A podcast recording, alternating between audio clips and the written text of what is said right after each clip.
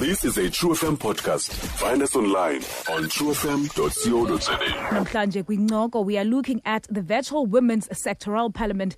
The Eastern Cape Provincial Legislature will host a virtual women's sectoral parliament with the aim of providing women with an opportunity to address challenges relating to COVID-19 and gender-based violence. Ngexesha ke lokuma ngqi ngenxa ye-COVID-19 lockdown ilizwekazi lomzantsi Afrika libe nabanana phezulu kakhulu ezehlo ze-gender-based violence and femicide.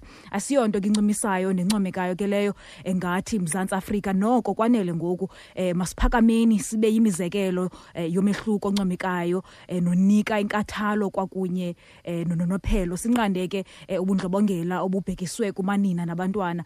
This virtual parliament will be addressed by the deputy minister in the presidency responsible for women professor Hlengiwe Mkhize several women's caucuses from district municipalities representatives from gender advocacy groups members of the cabinet will form part of the proceedings which seek to provide interaction of the women's sector with elected public representatives. Namhlanje ke kunconko sikuphathela ke konke okubalulekileyo about this virtual women's sectoral parliament. Fumana ulwazi oluzeleyo ke we are joined uh, on the line guest yethu speaker uh, Helen Sauls-August. You can come through on 086 035 bangabe unemibuzo okanye kungene kumakhasi onxibelelwano. Sikhona kufacebook singu-true fm and the official hashtag is hashtag incoko speaker thank you so much for your time and welcome to the show. Thank you so much, Zips, and thanks for having me on the show and to all your listeners. Good evening. Mm. Uh, today we are looking at uh, the virtual women's sectoral parliament.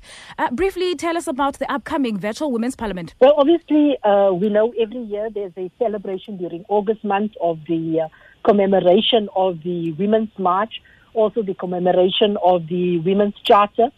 And uh, different parliaments and uh, provincial governments are then hosting and commemorating these activities. For us this year, in the sixth term, this is now the first time that we are hosting our sectoral women's parliament. Uh, we've got a theme, empowering women to fight the double scourge of gender-based violence and COVID-19. And I think um, you've already mentioned what are the, the aims and the and the objectives. But I think for us also to say is that we want to create that platform, noting that the process where we are, to create that platform where we can basically interact Mm. with our structures at the end of the day, uh, not so much to reinvent those policy issues that we have already decided on, Okay. but to look at the scourge that is, uh, you know, overcoming and almost like overtaking our whole democratic advances that we have made to get ourselves back on track and to make sure that we deal decisively with Mm. issues that is besetting us as women.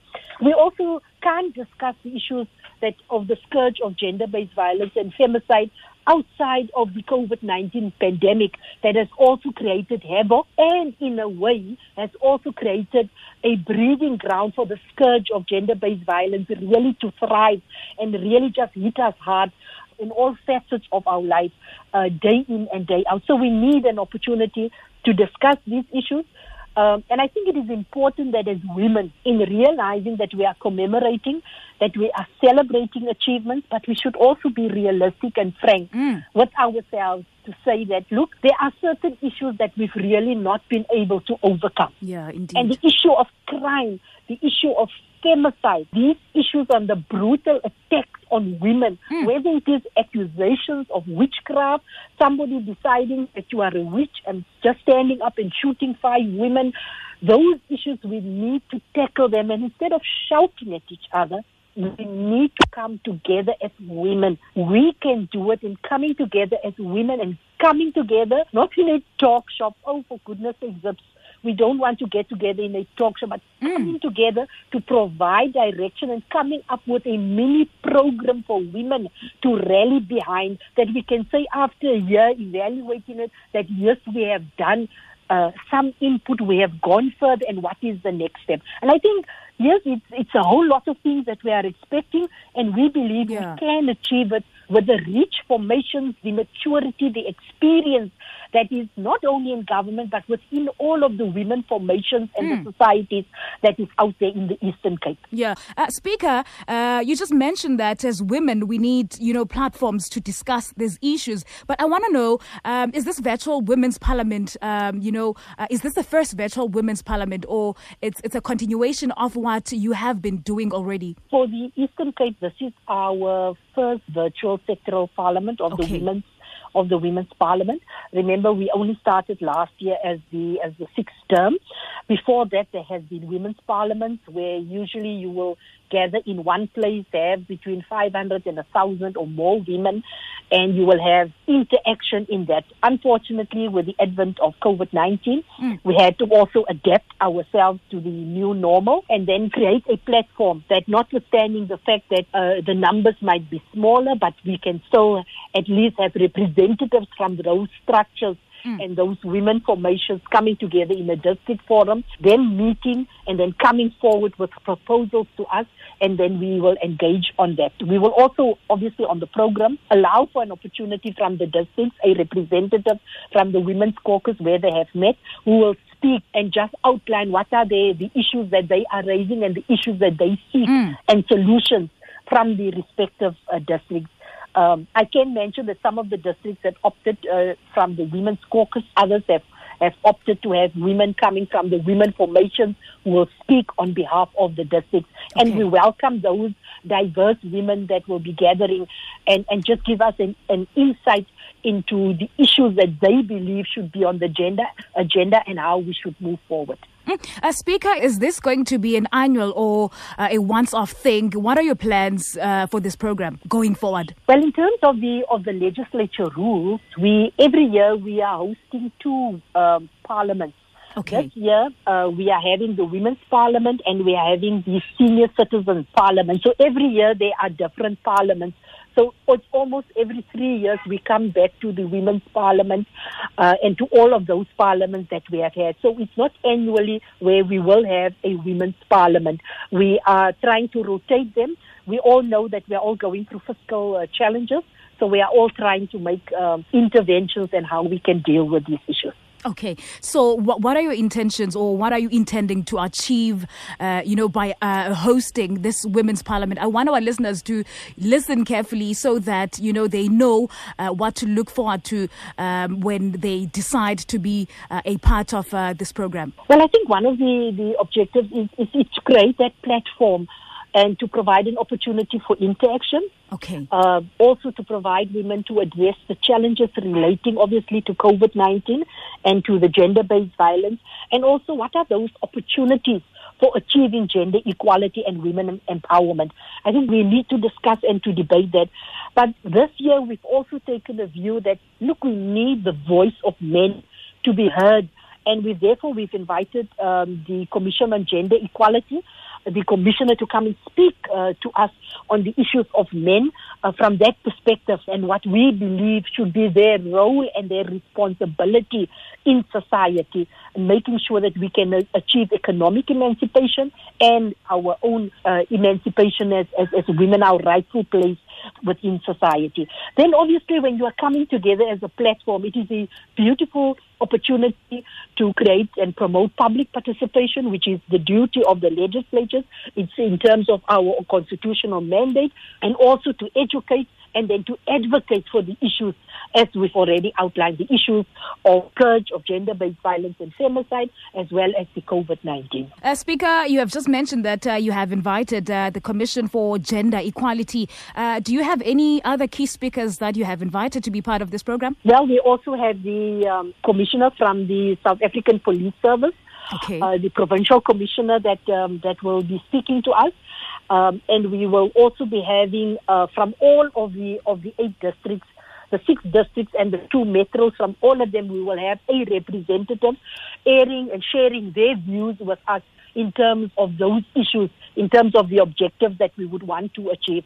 So I think we are going to have this whole uh, host um, obviously, uh, of, of speakers, and then our guest speaker that we are so privileged um, that will be joining us, um, Professor Hlengiwe Mkhize, uh, that will be joining us and then just giving and, and putting things into perspective from that role of government and encouraging us, obviously, and directing us on the way forward. Uh, Speaker, how are you going to monitor the implementation of, uh, you know, decisions taken at this Parliament? Uh, because I believe, uh, you know, we know these problems, we have these issues, and we talk about these issues. But the problem is that uh, we never, ever, you know, uh, come up with solutions, you know, to address these issues. How are you going to monitor, you know, the implementation of the decisions taken, you know, at the Parliament? So the the the legislature works in this unique way that, that after each of these parliaments, we then produce a report that we take to the to the house to the plenary and become house resolutions where those house resolutions then will be sent to the office of the premier because now those house resolutions are saying the premier becomes the responsible person that must ensure their respective departments must action A, B, and C. And we will give the premier then 30 days within okay. which he must respond back to the legislature. Also, our women's caucus is there, is active, and as well as our SPU, that is our special program committee, that who will also call the premier time on again when they are doing oversight to account on these resolutions that have been taken in the women's uh, parliament. And it is in that way that we attempt to keep the executive accountable at all times and making sure that certain of these issues will obviously be implemented. They also have a responsibility to inform the legislature that if resolution X or Y cannot be implemented, how or by when do they think that resolution can obviously be in, implemented. And such is the is the oversight role of legislatures, very vigorous, but at least also accommodative of the challenges that government at a particular point might be experiencing. Uh, Speaker, how are you using uh, oversight and lawmaking as the legislature to address issues of women? Well, first of within the lawmaking role, it is our responsibility to ensure that when those bills are passed at a national level, uh, in our domain, in the legislatures, we create that enabling uh, facility to go to communities and have public participation. Whereas the um, legislatures, uh, we send uh, our members of parliament across the length and the breadth of the Eastern Cape into the different districts, and they will summarize those bills uh, or the amendments to bills and to make sure that our community understands it in the local vernacular and then gather all inputs from those uh, processes. So that is that is the first one. That is the normal process. We are still doing it under COVID-19 regulations. But what we are also now using is more the virtual processes of ensuring that we even use the radio stations. We ensure through the Facebook that we have interaction and we allow even WhatsApp calls on suggestions on anything that has to do with bills or amendments to the acts that is in front of us. And then in terms of the oversight function, as I have explained, we call regularly those departments um, to come and account either on House resolutions, it could also be on financial matters that they have to account, and also on the annual performance of departments and the quarterly uh, financial performance of departments that they come and account to the legislature. We also, in terms of oversight, deal with petitions as the legislature, where people would write to the speaker and, and complain about certain grievances. Uh, of not getting adequate information or being hampered by a government department. Mm. So we intervene in that ma- manner. We have a committee under Honorable Ndabeni who deals with those petitions. They would call the relevant department, call the complainant, and when they sit together, and the department must provide information to the complainant in that regard. And we do follow up on those matters. So it's a quite intensive and a laborious process that we do undertake, and we always attempt to provide speedy intervention as well as feedback to the complainants in this regard. Uh, would you say uh, that uh, women issues are given the attention they deserve uh, by the legislative sector? You know, we see hashtags on social media, you know, by the general public, but are these issues given attention, you know, that they deserve by the government? Are these hashtags helping in any way? Well, obviously they help, and it's good because women have found a voice utilizing IT to make their stand. And that is how you adv- advocate, that is how you advocate out there for your issues. And, and I think this is an issue that women must use more because it keeps the issue alive. It keeps the issue in the face of government to say the issue of the imbalances in our society is not going to go away unless government decisively deals with all of these resolutions that have already been passed and implement them and come back and account to the women of South Africa around these issues. So it is necessary that it continues. Women must not stop that because that is what the executive, that is what government is supposed to do. The legislature's role is to make sure that we hold the executive to account on these issues and that we should be frank when they do not attend or have not implemented those resolutions that have been agreed upon. Uh, Speaker, August is also known as uh, Women's Month um, in South Africa. What is your message, uh, you know, uh, for women in South Africa, especially um, at this time? You know, we are faced with the pandemic, COVID nineteen. There's a lot that's going on. You know, uh, women are going through a lot. There's depression. There's anxiety. They are losing jobs. Uh, what would you say to young women, to women in general, um, in South Africa in these trying times? Well, obviously, you always have a benchmark. And our benchmark are the women that have come before us. And one of the things that they have taught us and the lessons and the principles is that we must stick to our convictions. We must never give up.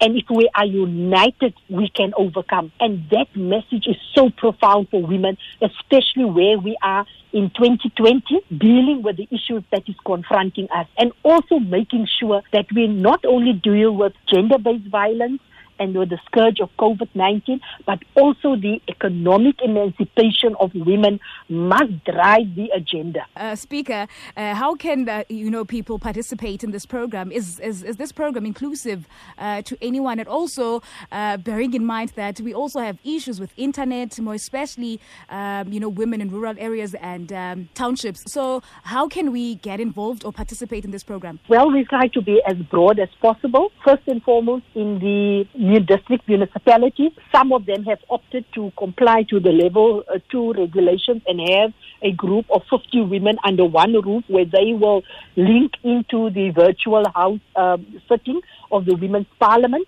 So they will look after that. We also are having all our 22 local community radio stations where we where we'll be broadcasting to our women, utilizing also the media platforms of Twitter, of the Facebook, the YouTube account as well as uh, Bay TV that is now called Umpuma Kapa TV so that we at least have a broad range of people that will be joining us. We also have our MS team where we can accommodate up to two to three hundred women at a sitting, and obviously we, we are looking at all of those processes to ensure that we reach out to our women where they are. We know that we have a normal process of doing these things, going to our communities, but we believe that, that we can still fulfill the issue of public participation up to a point by allowing women uh, mm. to engage with us. So the districts have taken it upon themselves in those sessions to make sure that they will be able to interact with us from that point. All right. Uh, Speaker, thank you so much uh, for joining us on the show. Have a good night. Thank you so much. God bless you. Thank you so much. Stream True FM online on truefm.co.za. sikho yonke indawo ngalo lonke ixesha like no one else